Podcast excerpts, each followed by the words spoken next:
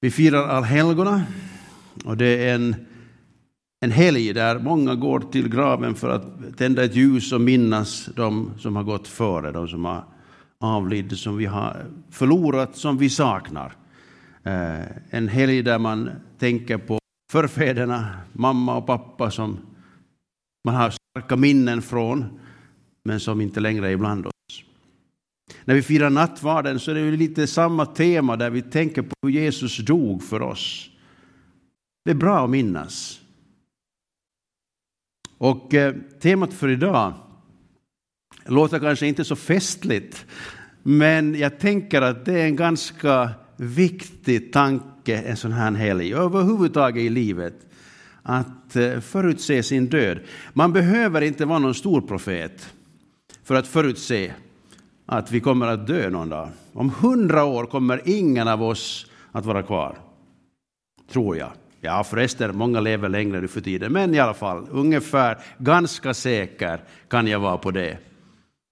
Så den delen är inte svår. Men vad betyder det då att förutse att man någon gång ska dö?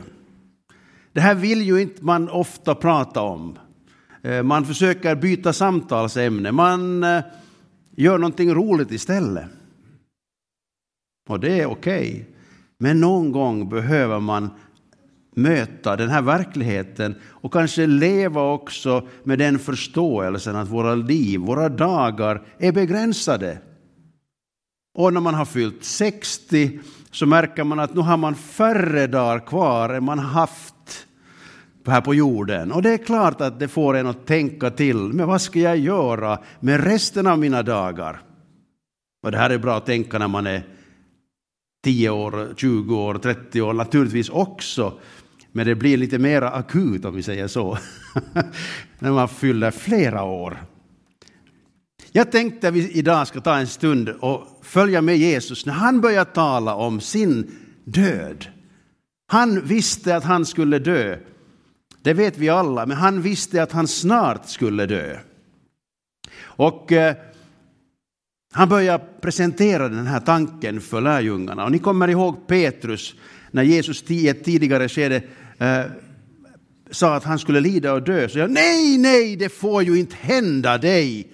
Vi ska ju, han var ju en ung kille, som vi förstår Petrus. Han hade ju liksom framtiden framför sig. Han skulle bli minister i kungariket som Jesus skulle leda.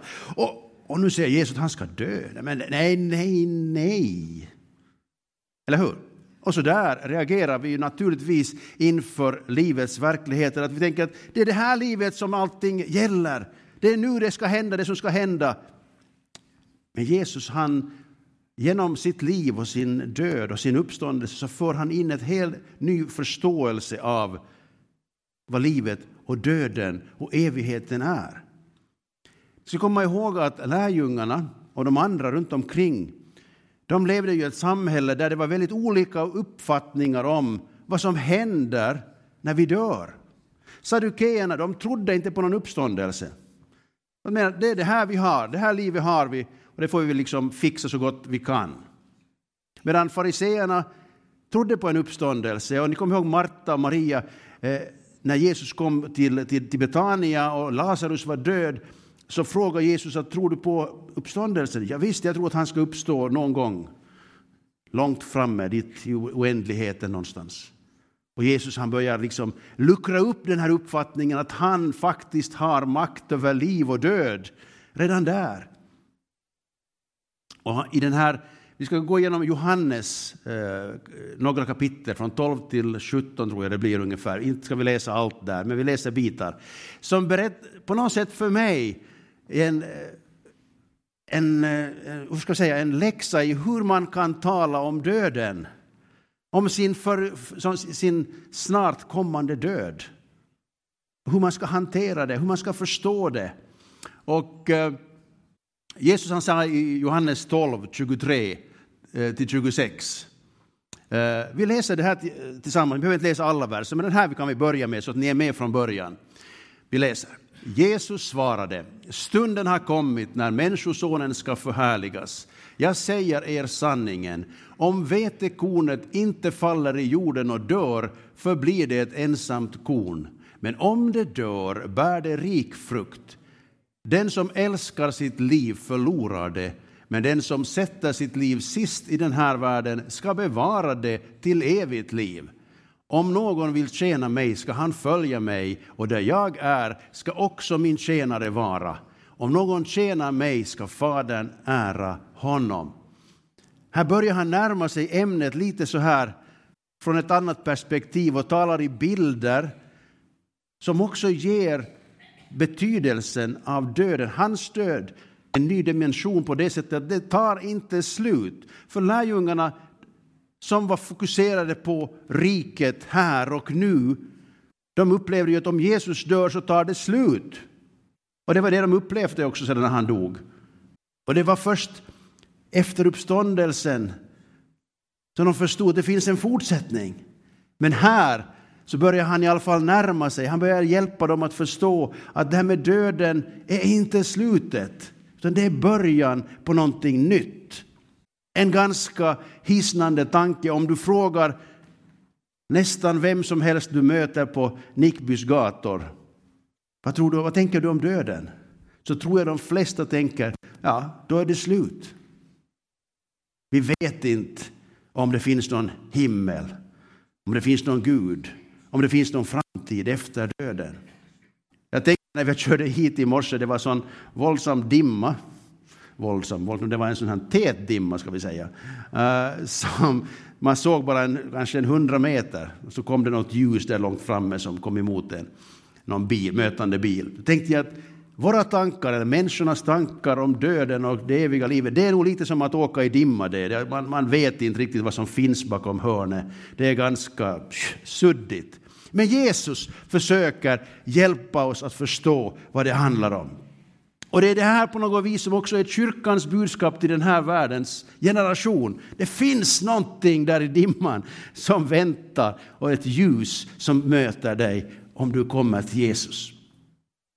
Vi läser vidare från trettonde kapitlet eh, om situationen där. Det var alltså strax före påskhögtiden. Jesus visste att hans stund hade kommit, att han skulle lämna den här världen och gå till Fadern. Han hade älskat sina egna här i världen och han älskade dem in i det sista. De åt kvällsmåltiden och djävulen hade redan ingett Judas, Simon Iskariots son, tanken att förråda honom. Jesus visste att Fadern hade gett allt i hans händer, att han hade utgått från Gud och skulle gå till Gud. Det här skriver Johannes lite senare. Det här, det här hade börjat klarna för honom. Jag tror inte att lärjungarna förstod allt det här då ännu när det hände. Men när han skriver liksom retroaktivt om vad som hade hänt så, så, så, så, beskriver han hur Jesus visste vad som skulle hända. Han visste varifrån han kom, han visste vart han var på väg, han visste hur han också skulle presentera det här för lärjungarna. Jag menar så här att det att han visste att han skulle dö, det fick honom att göra vissa saker, det fick honom att säga vissa saker. Och det här tänker jag så här också att, att om vi på något sätt blir lite medvetna om att vår tid är begränsad så påverkar det vårt sätt att tänka om livet, om dagen, om tiden vi har. Och det påverkar vad vi säger och vad vi gör. Eller jag hoppas det gör det. Vad gjorde Jesus? En av de mest fantastiska beskrivningar hurdan Jesus är. Från Johannes 13, verserna 4 och 5 och 12 till 15 han reste sig från bordet, det var alltså i den här påskmåltiden. Han las av sig manteln och tog en linnehandduk som han knöt om sig. Sen hällde han vatten i ett tvättfat och började tvätta lärjungarnas fötter och torka dem med handduken som han hade runt midjan. Det här var ju en situation där lärjungarna fortfarande planerar för ministerposterna. De fortfarande undrar vem är störst av oss? Och Jesus har, han har en kort tid på sig. Han ska liksom lämna ett bestående intryck av hur fungerar saker och ting i hans rike. Om man vill bli minister i hans rike, hur ska man då förhålla sig till de andra? Är man störst? Eller är man den som är allas tjänare? Och Jesus säger ju så här, Ni kommer ju ihåg, här igen ser vi så bra hur den här na naturliga reaktionen hos Petrus är ju det här, nej, nej, inte ska du ju tvätta mina fötter, jag ska ju i så fall tvätta dina. Och det var ju i och för sig en bra tanke, men han hade inte riktigt förstått ännu då vad Jesus egentligen ville säga. Men han, han, han ville ju faktiskt att Jesus skulle tvätta hela honom sen när han förstod att det var nödvändigt. Nåja, när han sen hade tvättat deras fötter och tagit på sig manteln och lagt sig till bords igen sa han till dem, förstår ni vad jag har gjort med er? Ni kallar mig mästare och herre och det med rätta, för det är jag. Om nu jag, er herre och mästare, har tvättat era fötter så är också ni skyldiga att tvätta varandras fötter. Jag har gett er ett exempel för att ni ska göra som jag har gjort mot er. Och jag tänker då så här. Jesus han har några dagar på sig. Han ska lära dem någonting riktigt, riktigt centralt och viktigt. Och vad gör han då? Jo, han tvättar lärjungarnas fötter och visar att han är inte på några höga hästar utan han som deras herre och mästare betjänar dem. Och han ger dem ett exempel. Så här ska ni göra. Och jag kommer inte ifrån det att eftersom han visste att han hade ganska kort tid på sig nu att lära dem någonting nytt eller någonting viktigt så måste det här vara en väldigt central tanke hos Jesus. Om det är någonting som är viktigt så säger han det nu genom det han säger och det han gör. Jag har gett er ett exempel för att ni ska göra som jag har gjort mot er. För visst är det så här, när vi tror att vi har mycket tid på oss, då har vi tid att ägna oss åt oss själva. Och inte bryr vi oss så mycket om varandra, tänkte jag säga, eller andra, därför att vi hinner ju sen ta hand om dem. Och jag tänker ändå att om man förstår att man har begränsad tid så sätter man saker och ting i en annan viktighetsordning. Och jag tänker så här att det kanske vi behöver tänka på ibland. Vad är egentligen viktigt? Om vi bara skulle ha en vecka på oss, vad skulle vi göra då? Vad skulle vi tänka då? Vad skulle vi säga till vår familj och så vidare? Hur skulle vi hantera varandra om vi visste att vi hade en vecka på oss? Det blir vi påminda om ibland, vid allhelgona och andra stunder, när vi tänker på våra egna som har gått före, eller andra vänner och bekanta. Jag tänker det är viktigt att vi, vi, vi förstår det här att Jesus han visste att han skulle dö, men han visste att det var inte slutet. Han visste vad som skulle hända efter det här. Och jag tror att han också vill lära oss det här att vi, när vi tror på honom, om vi tror på det han gjorde och det, han, det som hände med hela hans död och uppståndelse förstår vi att han lär oss att tillvaron är inte bara här. Tillvaron är också där hos Fadern.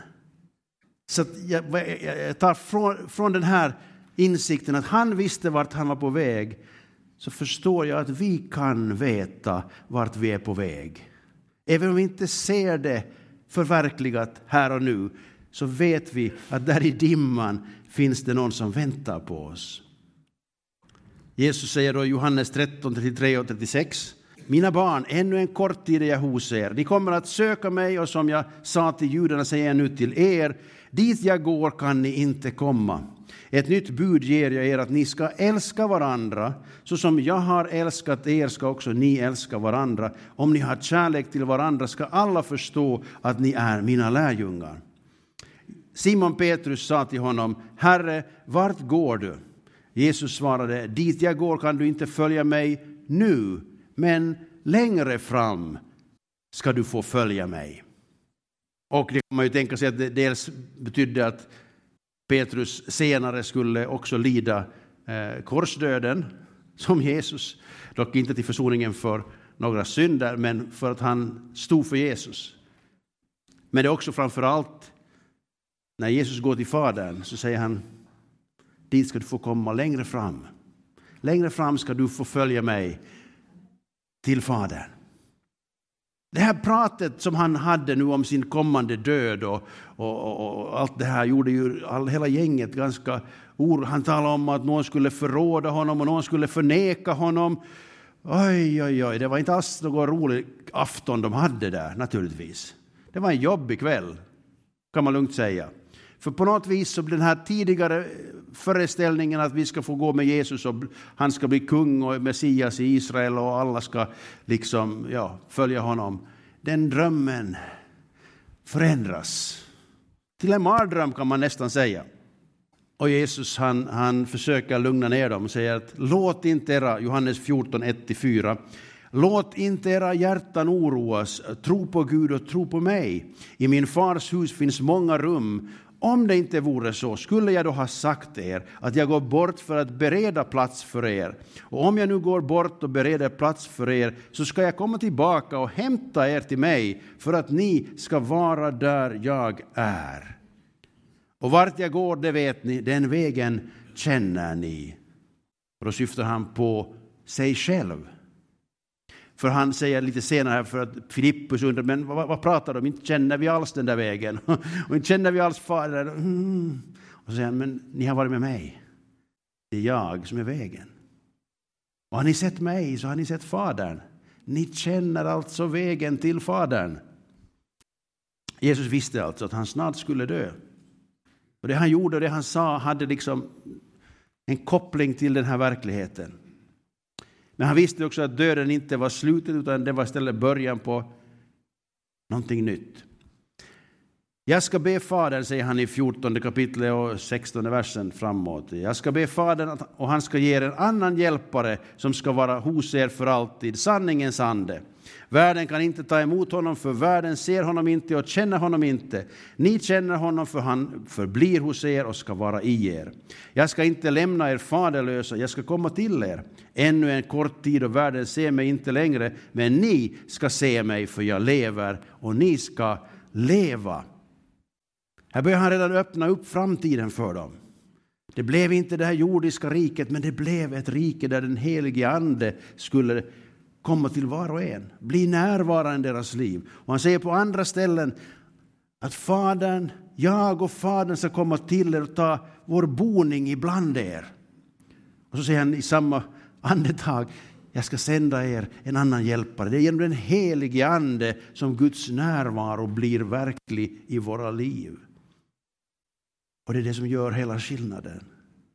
Det blir på något vis frågan om livet och döden och framtiden en fråga som på något sätt uppslukas av Guds närvaro. För det är Gud, han är alltid, han finns, fanns före mig och han kommer att ta mig med in i evigheten. Det är han som är det viktiga. Fortsätter. Detta, från vers 25. Detta har jag sagt er medan jag ännu är kvar hos er. Men hjälparen, den helige Ande som Fadern ska sända i mitt namn, han ska lära er allt och påminna er om allt som jag har sagt er. Frid lämnar jag åt er, min frid ger jag er. Jag ger er inte det som världen ger. Låt inte era hjärtan oroas och tappa inte modet.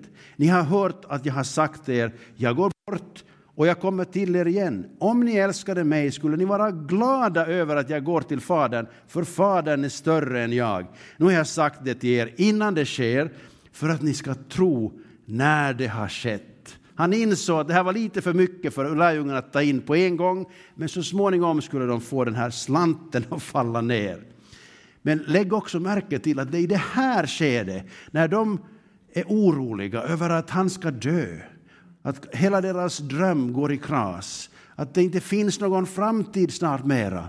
Det är då han säger min frid ger jag er. Och jag tänker så här när vi tänker på vårt eget ändliga liv och vi tänker på att vi någon ska dö. Och det är rätt, lätt, rätt mänskligt att tänka oj, det var en obehaglig tanke. Vad händer då? Det är då som Jesus säger min frid ger jag er. Du kan vara lugn. Jag är med dig genom den här processen av avklädnad och iklädnad. Ja, Jesus han visste att han snart skulle dö. Och hela den här, den här förberedelsen på något vis för mig säger att han ville helt enkelt öppna upp förståelsen av livet och döden och evigheten. Vad Guds plan och Guds, liksom, hur han hade förberett för alla människor att få komma till hans himmel, till hans rike. Och det går för de allra flesta genom döden. Märkligt nog. Johannes 16, 1-4. Men någon dans på rosor lovar han inte. Resten av deras liv kunde också präglas av motstånd, av oförståelse, av människor som säger men det där är nog bara fantasier, det är sagor, det är, det är villoläror, det är... Hur nej. Det visste Jesus skulle också hända. Johannes 16. Detta har jag sagt er för att ni inte ska komma på fall. De kommer att utesluta er ur synagogorna och det kommer en tid när den som dödar er ska tro att han tjänar Gud. Det kommer de att göra därför att de varken känner Fadern eller mig. Men jag har sagt det till er för att ni, när deras tid kommer, ska minnas att jag sade det till er. Den här dagen är också den internationella bönedagen för de kristna martyrerna. Runt omkring i världen så samlas man idag för att be för de kristna martyrerna idag. Miljoner kristna lever under förtryck just därför att de är kristna. Tusentals kristna dödas varje år för att de är kristna. Och vi gör skäl, naturligtvis, att be för dem, komma ihåg dem och vara med och stötta det arbete som också försöker hjälpa de kristna som är utsatta mycket, mycket mer än vi kan förstå ens. Där det är livsfarligt att tro på Jesus, att bekänna sig som kristen, att låta döpa sig. Det är en klar signal på att man blir utstött, förföljd, till och med misshandlad och dödad. Jag ska inte gå in på exempel här, men det finns ju otaliga rapporter i media från olika länder där kristna är verkligt illa ute. Det här är någonting som Jesus visste skulle hända. Och det är in i den situationen som hans frid behöver och vill komma. Vi ska här i slutet av gudstjänsten nu ha en bönestund där vi bland annat också ska be för just de här, våra syskon som lider på grund av sin tro på Jesus och som har dödens verklighet verkligen nära. Men Jesus lämnade dem inte i förtvivlan. Han ville också föra in glädjen in i talet om döden. Jag tror att det här är också någonting som är svårt för en människa som inte tror på Jesus att ens ta till sig. Att det finns ett element av glädje också när vi talar om döden. Nu talar han om sin egen död och han visste också att det inte skulle, det skulle inte dröja så länge för de skulle få se honom igen. Så den glädjen var ju ganska eh, enkel att förstå. Men vi kommer också ihåg det att han var inte så länge hos dem efter sin uppståndelse, utan han lämnade dem igen. Men han sände den helige Ande. Och i den helige Ande fanns den här glädjen, den här närvaron och det som de egentligen hade börjat följa Jesus för. Nu går jag till honom, säger Jesus till, i 16 kapitlet, femte versen. Nu går jag till honom som har sänt mig och ingen av er frågar mig vart går du? Men när jag nu har sagt er detta era hjärtan fyllda av sorg. Men jag säger er sanningen, det är för ert bästa att jag går bort. Om jag inte går bort kommer inte hjälparen till er. Men när jag går bort ska jag sända honom till er.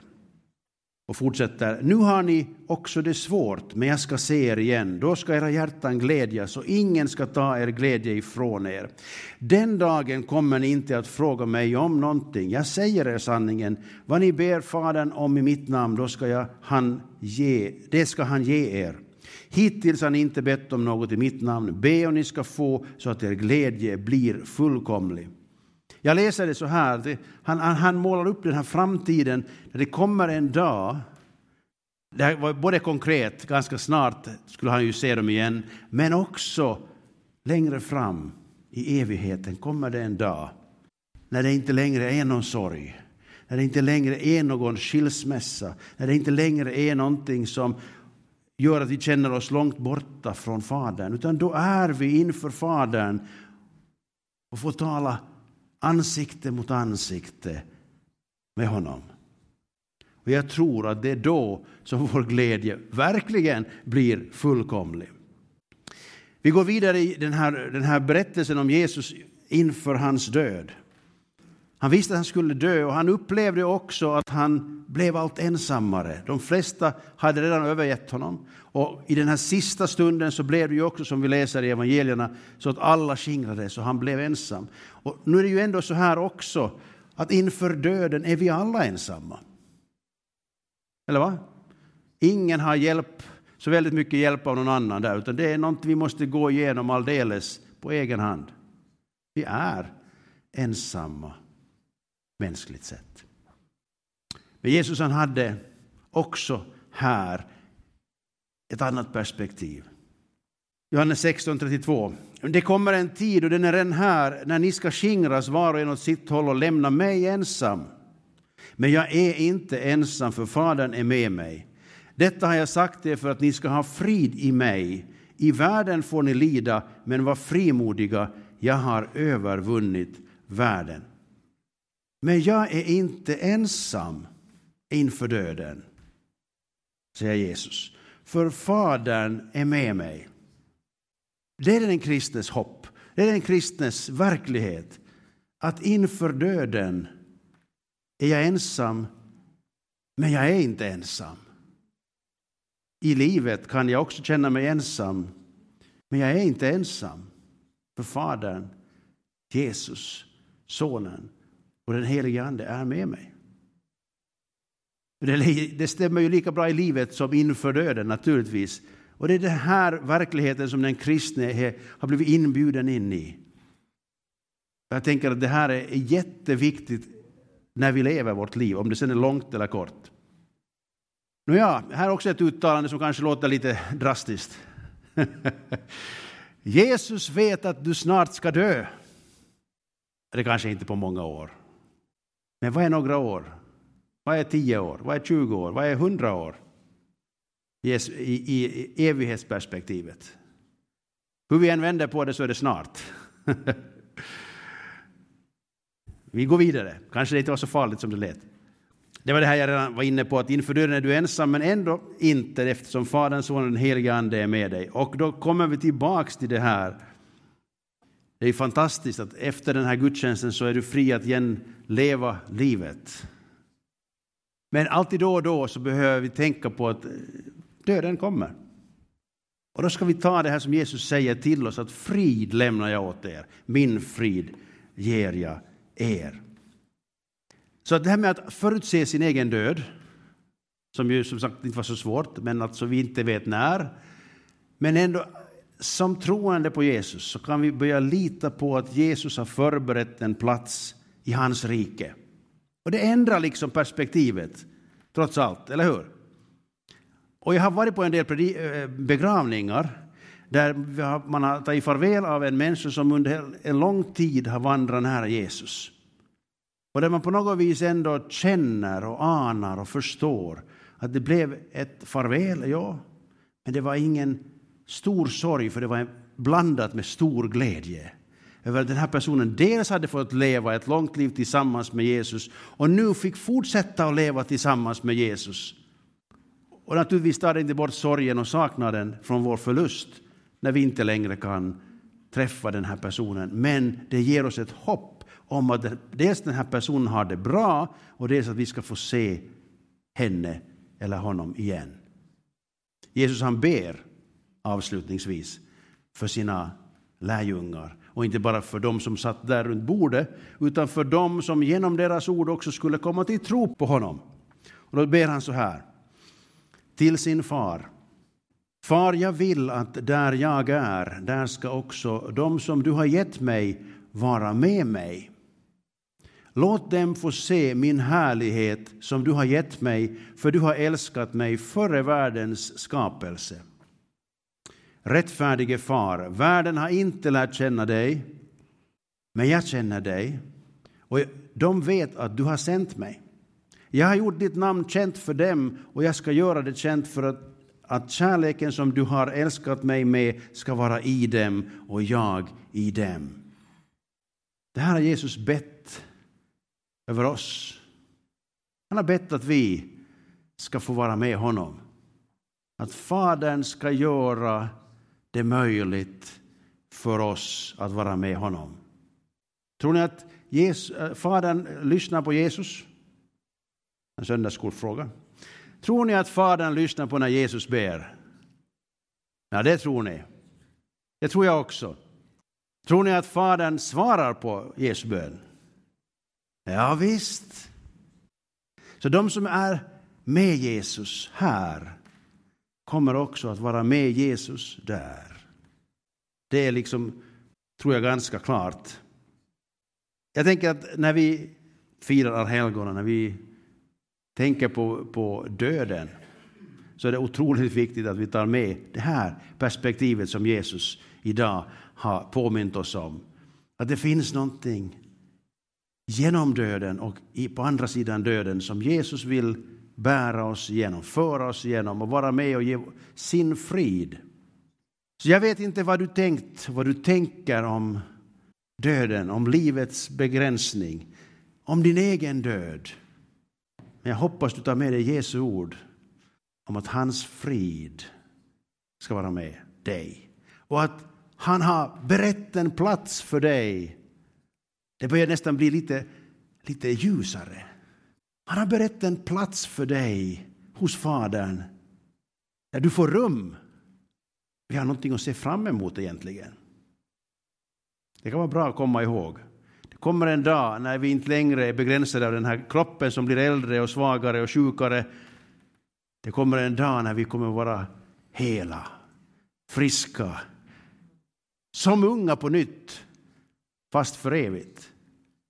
Få vara tillsammans med Jesus i en värld som är full av ljus och glädje och värme och kärlek och sanning och nåd och liv. Det är någonting att hålla fast vid, någonting att tro på och någonting att glädja sig åt. Det här är ju inte bara en, en jag tänker så här, det är inte bara en, en vacker tanke eller en sanning som vi håller fast vid. Utan jag tror så här, ni får tolka det eller tänka annorlunda naturligtvis. Men jag tänker så här, varför talar Jesus så mycket om den helige Ande? Varför var det så viktigt att den helige Ande kom? Och varför var det så viktigt för de första lärjungarna när de gick och predikade om Jesus att människor skulle få uppleva den helige Ande? Det är den helige Ande som ger oss vissheten om att vi är Guds barn. Det är den helige Andes närvaro som är kvittot på att himlen tillhör oss. Så det är inte bara det att vi nu har hört om Jesus, att han då talar så där. Utan det handlar om att den helige Ande är här just nu för att plantera och demonstrera och vara den där friden som Jesus talar om. För det friden är inte bara en vacker tanke, utan friden är Guds närvaro. Är ni med? Det är Guds närvaro som gör allt det här som Jesus talar om möjligt i mitt liv. Utan den helige Andes närvaro så kan jag, kan jag förhålla mig till så ja, det, det är någonstans där som ni tycker att det är viktigt det där och intressant. Ja, ja. Men när den helige Ande kommer in i mitt liv, då blir allt det här en verklighet. Det är för mig den viktigaste upptäckten i mitt liv, att jag kan få börja lära känna den helige Andes närvaro i mitt liv. Jag kan få höra honom jag kan förstå att ah, det där måste ha varit den helige Ande. Det tar tid att lära känna den helige Andes röst och närvaro. Men ju mer vi ber om det, ju mer vi söker det, ju mer vi bjuder in honom, desto mer verklig blir han i våra liv. Och det är det som gör hela festen för oss mitt i bedrövelserna och kampen. Jag tror vi ska sjunga ett par sånger innan vi har en bönestund när vi ber för det jag nämnt, men också för andra bönämnen innan vi sedan avslutar så småningom den här gudstjänsten. Men vi, vi hade ett par sånger som vi ska ta